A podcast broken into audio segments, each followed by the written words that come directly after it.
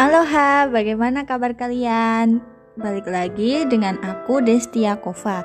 Nah, udah baca belum rekomendasi dua buku sebelumnya?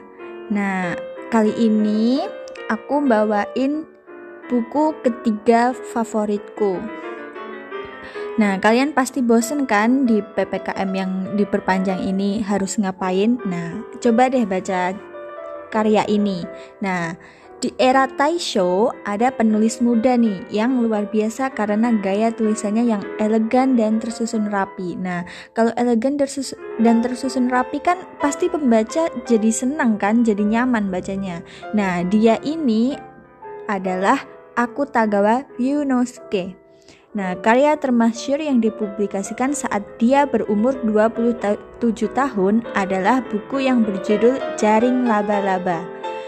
Ini karya pertamanya yang diperuntukkan pada anak-anak yang terbit pada 1918. Karya ini sangat dipuji sebagai karya nyata yang terkemuka, bahkan di antara dongeng Taisho. Nah, terkemuka dari dongeng Taisho. Wah, Pasti bagus kan? Nah, aku kasih tahu nih ceritanya tentang seorang penjahat yang bernama Kandata. Nah, jahatnya ngapain aja? Nah, dia itu membunuh, mencuri, dan banyak lagi. Pokoknya ya penjahat lah. Nah, Kandata ini mengacaukan parade yang diselenggarakan oleh kaisar setelah membunuh wanita yang telah memberinya makan. No, penjahat kan?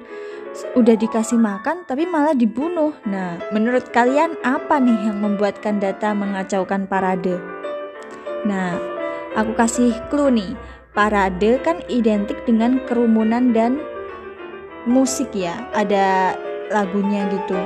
Nah, Berarti karena apa? Iya, karena kebisingan. Itulah yang membuat Kandata menyerang kaisar.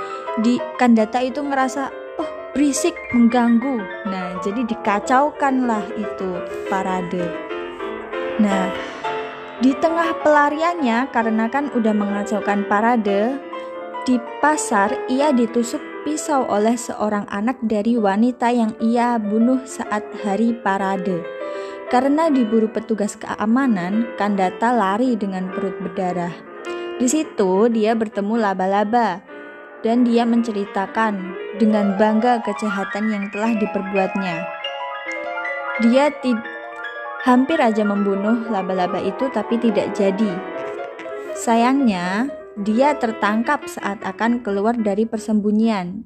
Ditangkap oleh petugas keamanan ya.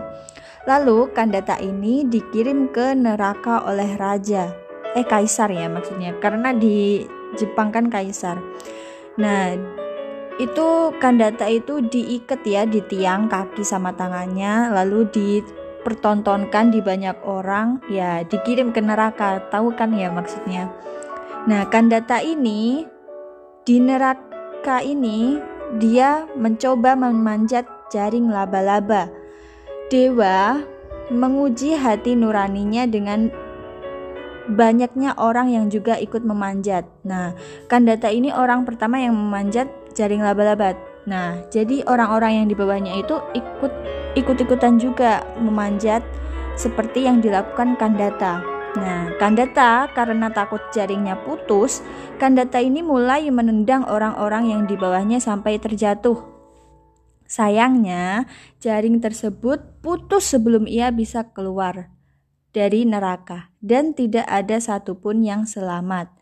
Ya, benar, dengan itulah dewa menjerat orang jahat dengan jaring laba-laba. Ya, seperti itu ya ceritanya. Dewa itu berarti menguji hati nurani kita, dan juga sebelum berhasil, orang-orang harus merasakan jatuh terlebih dahulu karena kita nggak tahu rasanya di atas tapi belum jatuh. Kita harus merasakan jatuh dulu. Ya menurutku seperti itu ya. Nah sekian dari saya. Kalau masih penasaran cerita lengkapnya bisa coba baca ya. Terima kasih